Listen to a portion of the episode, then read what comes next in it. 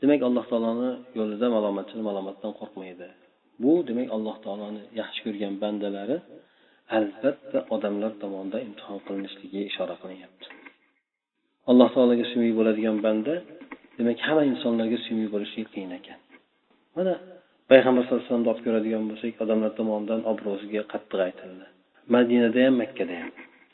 Madinada mushriklar tomonidan bo'lsa e, makkada mushriklar tomonidan bo'ladigan bo'lsa madinada munofiqlar tomonidan bo'ldi. Makkada jinni boshqa deb bu kishini sehrgar deb ayblanilgan bo'lsa urilgan bo'lsa madinada urushga kuchi yetmasa ham lekin ma'naviy tomondan baribir munofiqlar tomonidan ozor yetkazib turildi.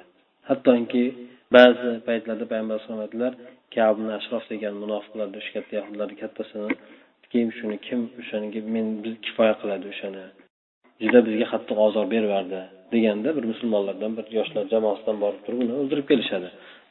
Abdulloh mubaydi nimasi mashhur endi? Hattoki oysha onamiz to'g'risida ham e, zino bilan ayblashganligida ham bu zino bilan ayblashligi faqat nafaqat oysha onamiz o'zi balki payg'ambar alayhisalomni ayoli bo'lganligi uchun bu katta shov shuvga sabab bo'ladi. Bu narsani orqasidan payg'ambar sallallohu alayhi vasallamga ancha qiyin holat yuzaga keladi payg'ambar alayhisalom uchun.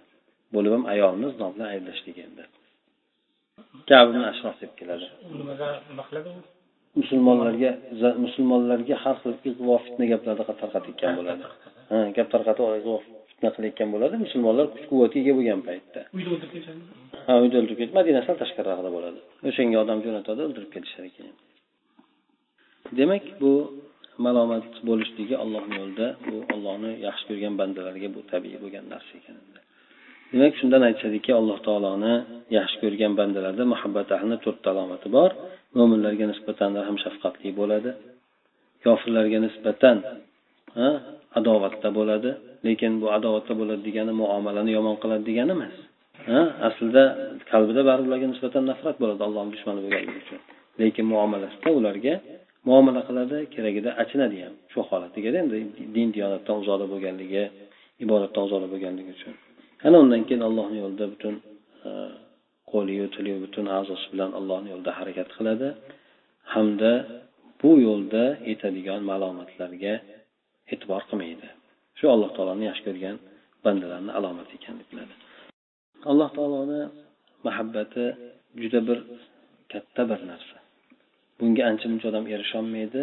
Agarchi erishgan taqdirda ham bu narsa juda katta narsa. Mana hadisda keladiki alloh taolo agar mabodo bironta bir bandani yaxshi ko'rib qoladigan bo'lsa osmondan nido qiladi. Uni eshitgan jibril alayhissalom e, eshitgan farishtalar hammasi jibril alayhissalom eshitgan farishtalar ham o'zidan ketadi. Shunaqada alloh taoloni ovozidan keyin keyin birinchi bo'lib jibril alayhissalom o'ziga keladi. Undan keyin alloh taolo aytadi ey jabroil men palonchi bandani yaxshi ko'rdim hm? Sizlar ham uni yaxshi ko'ringlar deydi. Keyin jibril alayhissalom butun farishtalarga e'lon qiladi. Alloh taolo palonchi bandani yaxshi ko'ribdi sizlar yaxshi ko'ringlar deb osmon ahlida o'sha bandani muhabbati kiradi. Osmon ahliga o'sha bandani muhabbati tushadida keyin keyin undan keyin osmon ahli yaxshi ko'rgandan keyin yer ahli o'sha bandani yaxshi ko'rib qoladi. Demak bir bandani yaxshi ko'rilishligi alloh tomonidan oddiygina bir sodir bo'lib qoladigan shunchaki bo'ladigan narsa emas ekan balki alloh taolo bandani yaxshi ko'rishligi juda bir katta bir voqeani keltirib chiqaradigan hattoki butun farishtalar orqali osmon ahlini alloh taolo qo'zg'atadigan bir voqea bo'lar ekan. Alloh taoloni bir banda xos yaxshi ko'rib qolishligi. Xuddi shunday alloh taolo biron bandani yomon ko'radigan bo'lsa ham nido qiladi. Farishtalar o'sha ollohni ovozidan o'zidan ketadi. Keyin jibril alayhissalom birinchi o'ziga keladi. Jibril alayhissalomga aytadi palonchi bandani yomon ko'ringlar men yomon ko'rdim deydi. Demak alloh yomon ko'rganligi uchun farishtalar ham itoat qilib ular yomon ko'radi. Farishtalar yomon ko'rgandan keyin yer ahlida haligi odamga nisbatan nafrat degan narsa paydo bo'ladi. Bu demak bandani olloh bilan bo'lgan aloqasi yaxshilik tomoni bilan bo'lsa ham alloh taolo butun koinotni qo'zg'atar ekan yomonlik alloh taoloni g'azabiga uchraydigan bo'lsa ham alloh taolo koinotni qo'zg'atar ekan.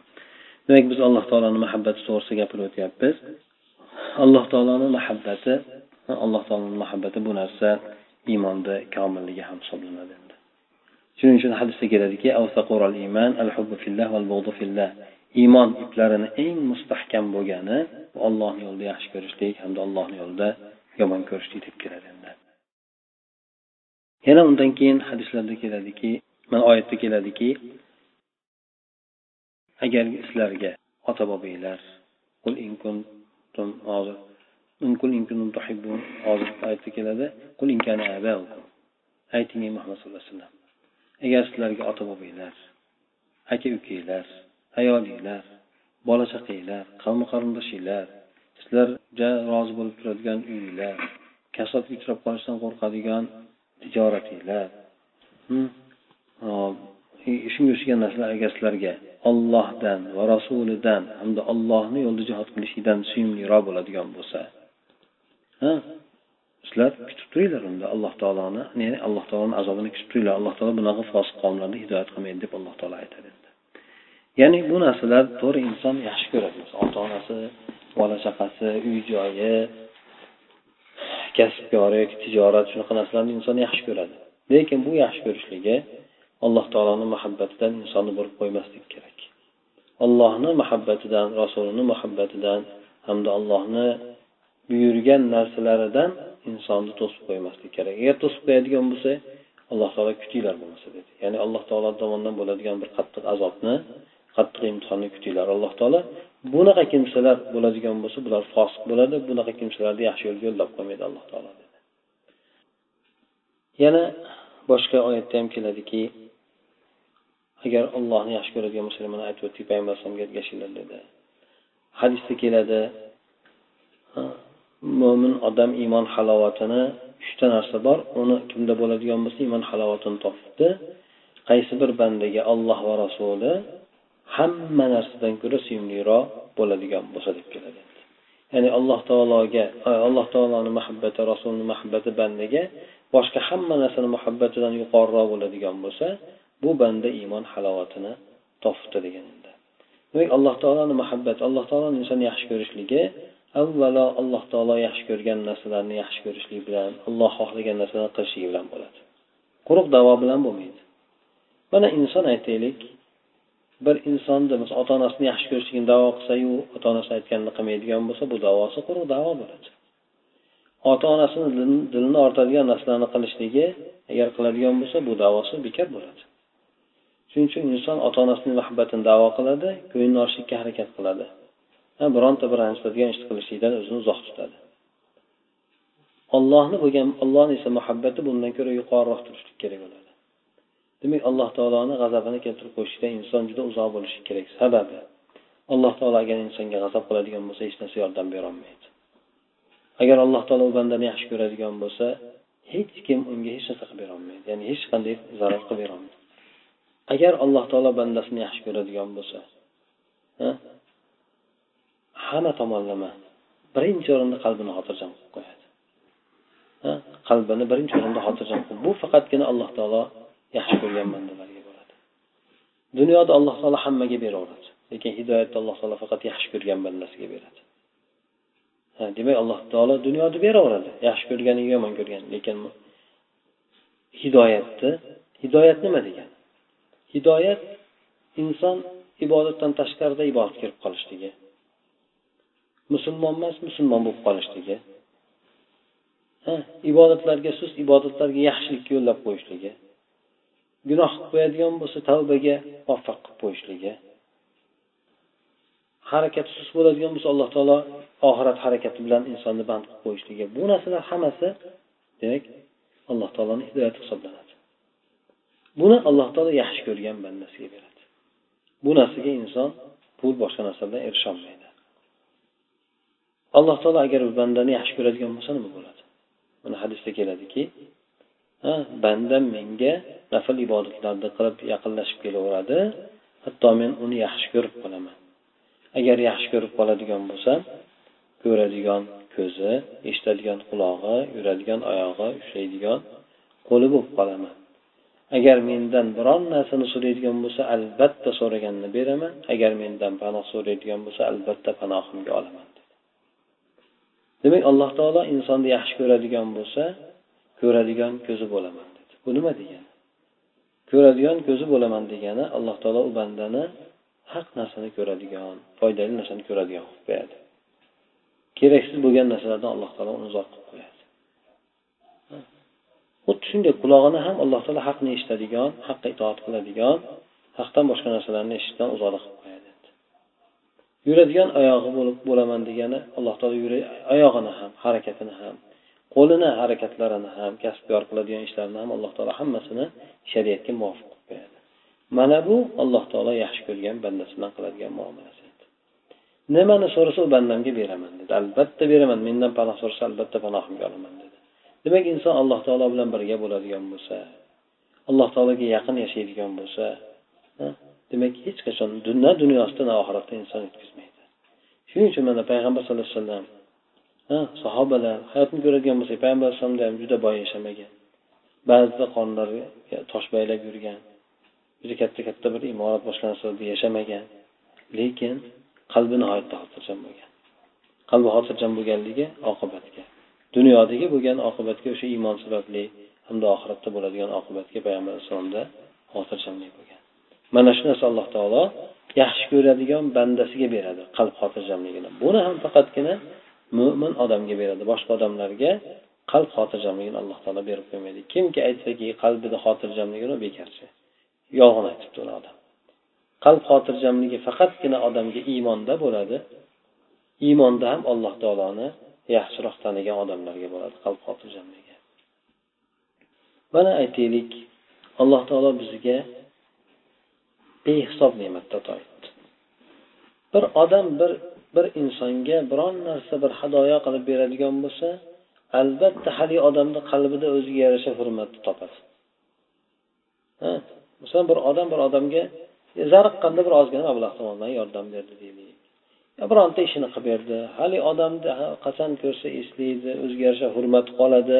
Haligi odam agar sal ko'proq yaxshi nima qilgan bo'lsa haligi odamni yaxshi ko'rib qoladi. Bitta yo ozgina kelgan yordami sababli yoki biron bir bergan narsasi sababli. Alloh taolo bizga qancha narsani berdi? Shunday o'tirishligimiz nafas olishligimiz ko'zimiz ko'rib turganligi qo'limiz oyog'imiz ishlab turganligi aqlimiz joyidaligi sog'ligimiz o'zimizdaligi bola chaqalik bo'lganligimiz ota ona hammasi bizga alloh taoloni juda katta berayotgan ne'mat.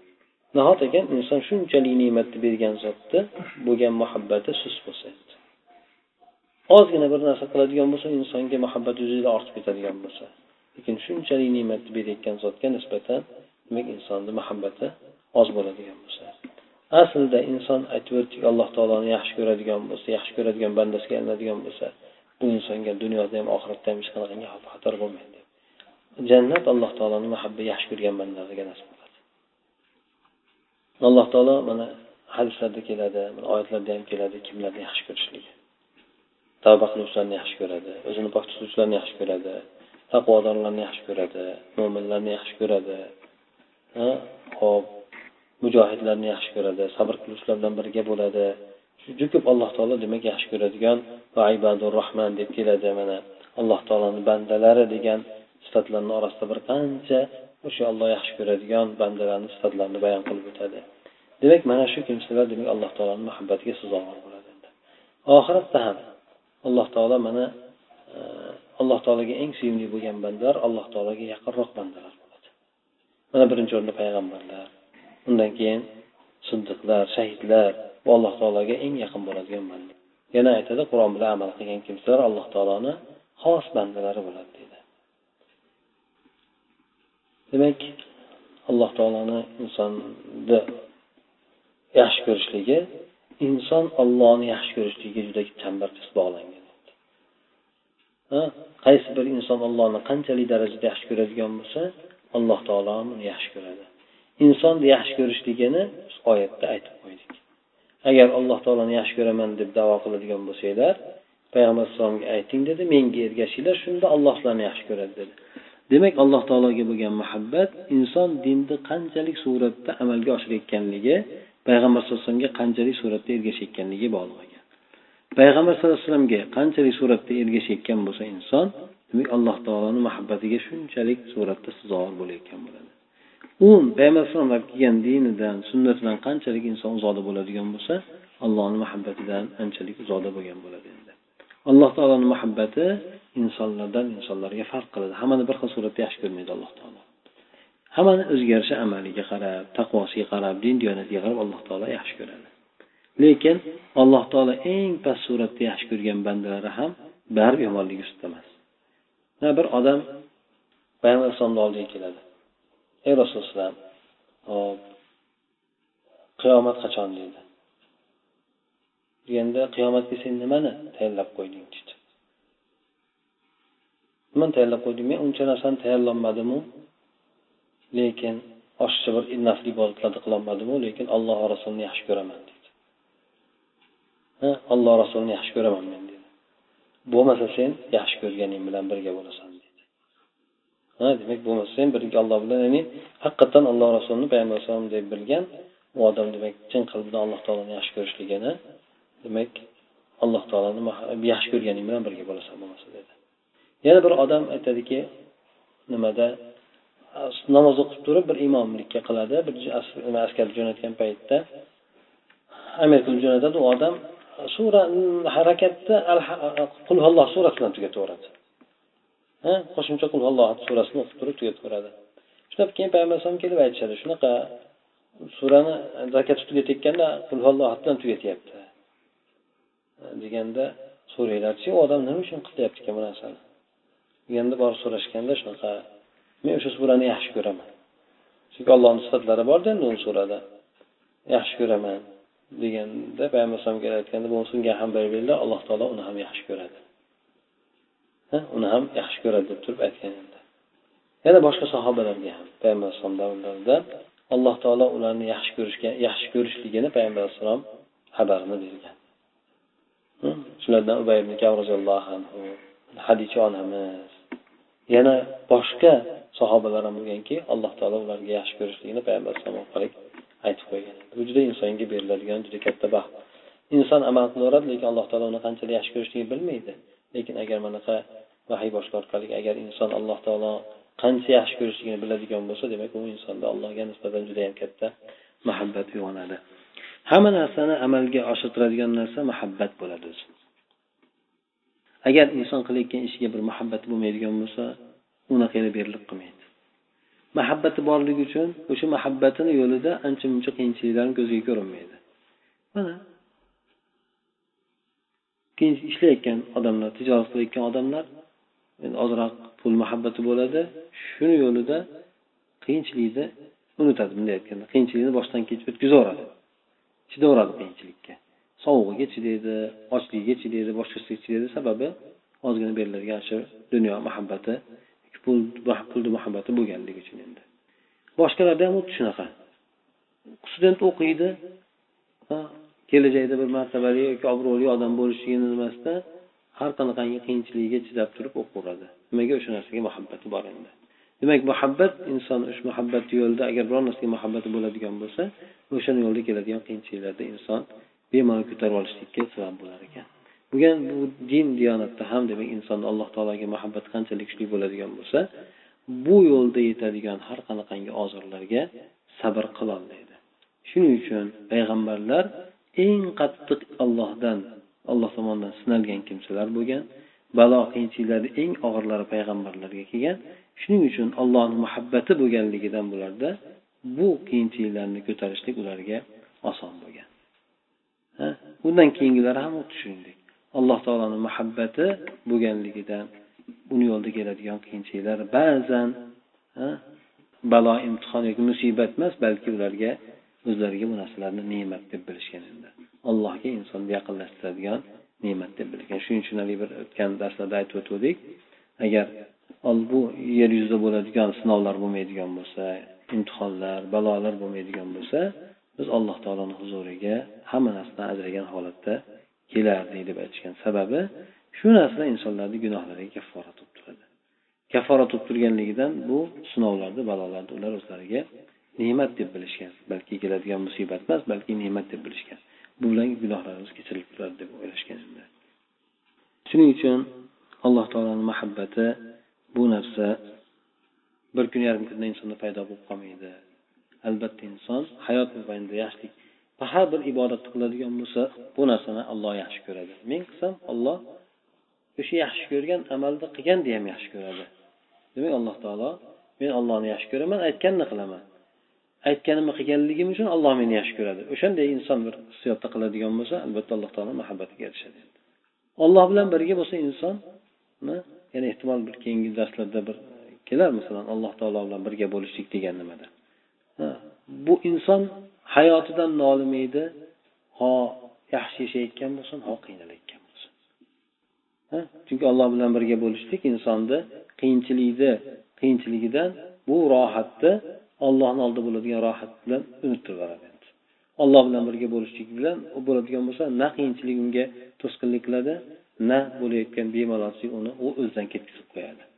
Shuning uchun inson alloh bilan birga bo'lishligi avvalo allohni muhabbatiga erishishlik bilan bo'ladi.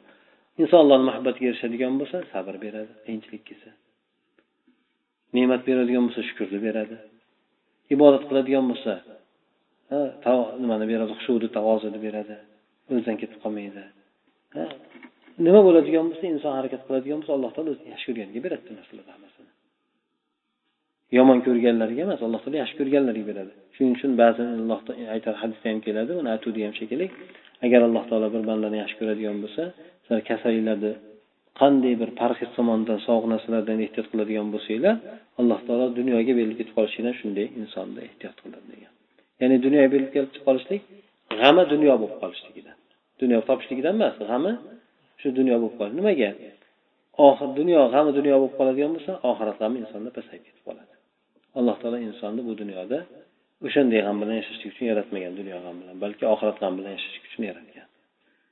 Demak muhabbat to'g'risida aytadigan bo'lsak e, olimlarni ham gaplari ko'p hadislarda ham oyatlarda ham keladi. Bulardan bir bo'laklarni aytib o'tdik.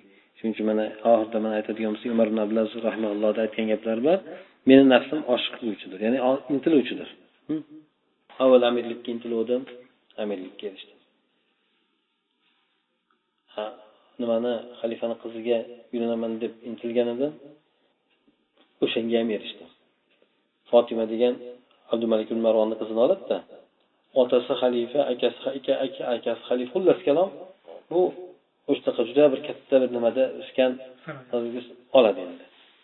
Olgandan keyin ham bu ayol ham keyin umar ibn abdulaziz xalifa bo'lgandan keyin oddiy hayotga qolsiz ko'nikding deganda ko'nikkan shunchalik boylik boshqa narsalarga qaramasdan abdumalik ibn marvon mana haligi kinolarda ham bo'ladiki ya'ni butun bir bir muddatdan keyin butun islom islomiy olamda nimaligi bu kishini qo'liga o'tadi. Yaxlit bir davlat paydo bo'ladi. Shunda bir kuni osmonga qarab turib aytadi dedi bu kishi. Bulutga qarab turib aytadi. Ey bulut qayerga yomg'ir yog'dirsang ham baribir shu yerda haroj menga keladi degan sen qayerga borib yog'dirsang ham meni yerimda yog'dirasanmi? U yoqqa borib yog'dirasanmi? Baribir sendan yog'adigan narsa meni nimamga kelib tushadi? Xazinamizga biz musulmonlar xazinasiga kelib tushadi debdi ya'ni nimasi shunaqangi katta bo'lib ketadi mayli keng bo'lib ketadi. U bir joyga borib yog'diradigan bo'lsa ham o'sha yerda olinadigan hosildan bir bo'lagi baribir musulmonlarni xazinasiga kelib tushadigan bo'lganda endi. Shu bu haligi juda katta podshohlikka ega bo'lganligini dalolat qiladi o'sha kishini o'sha kishini bu nimasini olgan yana aytadi endi e, nafsim jannatga intilyapti inshaalloh unga ham erishaman degan. Ya'ni inson doimiy suratda bir yaxshiliklarni umid qilishligi ya'ni intilib turishligi shunga yarasha harakat qilishligi agar harakat qiladigan bo'lsa alloh taolo buni beradi. Demak bir insonni insonlar yomon ko'rishligi yomon ko'rib qolsa demak baribir ollohni yomon ko'rishligidan keyin bo'larkan. Oldin olloh yomon odam bir oldin olloh yomon ko'radi keyin insonni yomon ko'radi. To'g'ri? Olloh yomon ko'rganligi uchun yomon ko'radi. Olloh yaxshi ko'rganligi uchun yaxshi ko'radi. Shuning uchun payg'ambar sallallohu alayhi vasallam o'z nafsi uchun bo'lgan o'rinda o'cholmasdi deydi. Birov bir so'kadigan bo'lsa o'zini unga o'cholmasdi agar ollohni dinni haqorat qilib boshqa ollohni haddiga tajovuz qiladigan bo'lsa unda chidab turolmasdi keladi. Endi payg'ambarlarni sahobalarni yomon ko'rishadi. Yaxshi musulmonlarni yomon ko'radi. Shunaqa jamoatlar guruhlar bor yomon ko'radi. Ular endi qanaqa bo'ladi? Ularni holati musulmonlarmi musulmonlar tashqarilarmi balki musulmondir yo'q musulmon yo'q bularni bunday aytganda. Agar bular vahobiy deydi bular boshqa deydi. Yo'q bular endi johillikdan baribir inson musulmon bilan musulmonni o'rtasida musulmonlik aloqasi bor musulmonlik muhabbati bor. Eng bu muhabbat eng quyi darajaga tushishi mumkin lekin yo'qolib ketmaslik kerak. Kofirga nisbatan musulmonda bu muhabbat yo'q lekin musulmonga nisbatan yo'q bo'lmaydi. Misol inson insonni yaxshi ko'rishligi uni din diyonatiga qarab turib bo'ladi. Din diyonati yaxshiroq bo'lsa ko'proq yaxshi ko'riladi din diyonati pastroq bo'lsa o'sha qilgan gunohlari uchun o'sha odamni o'shanga miqdor yomon ko'riladi lekin baribir u odamda gunoh qilgani bilan allohni mo'minlik ya'ni sifati qoladiku endi u odamda. O'sha iymoniga nisbatan musulmon odamni yaxshi ko'rilaveradi. Ha johil odam aytaylik buni yomon bizni ming yomonlagan taqdirda bari unda iymonlik alomati qoladi. Din musulmondan chiqib ketmasanglar o'sha qoladigan iymoniga nisbatan biz u odamni xudo uchun o'sha miqdorda baribir yaxshi ko'ramiz ya'ni kofir bilan hech qachon uni barobar qilib qo'ymaymiz. Chunki kofirda umuman unga nisbatan muhabbat degan narsa bo'lmaydi. Musulmon odamda bu muhabbat zaiflashishi mumkin bir darajaga tushishi mumkin lekin nolga tushmaydi. Nolga tushgan nol kofirda bo'ladi.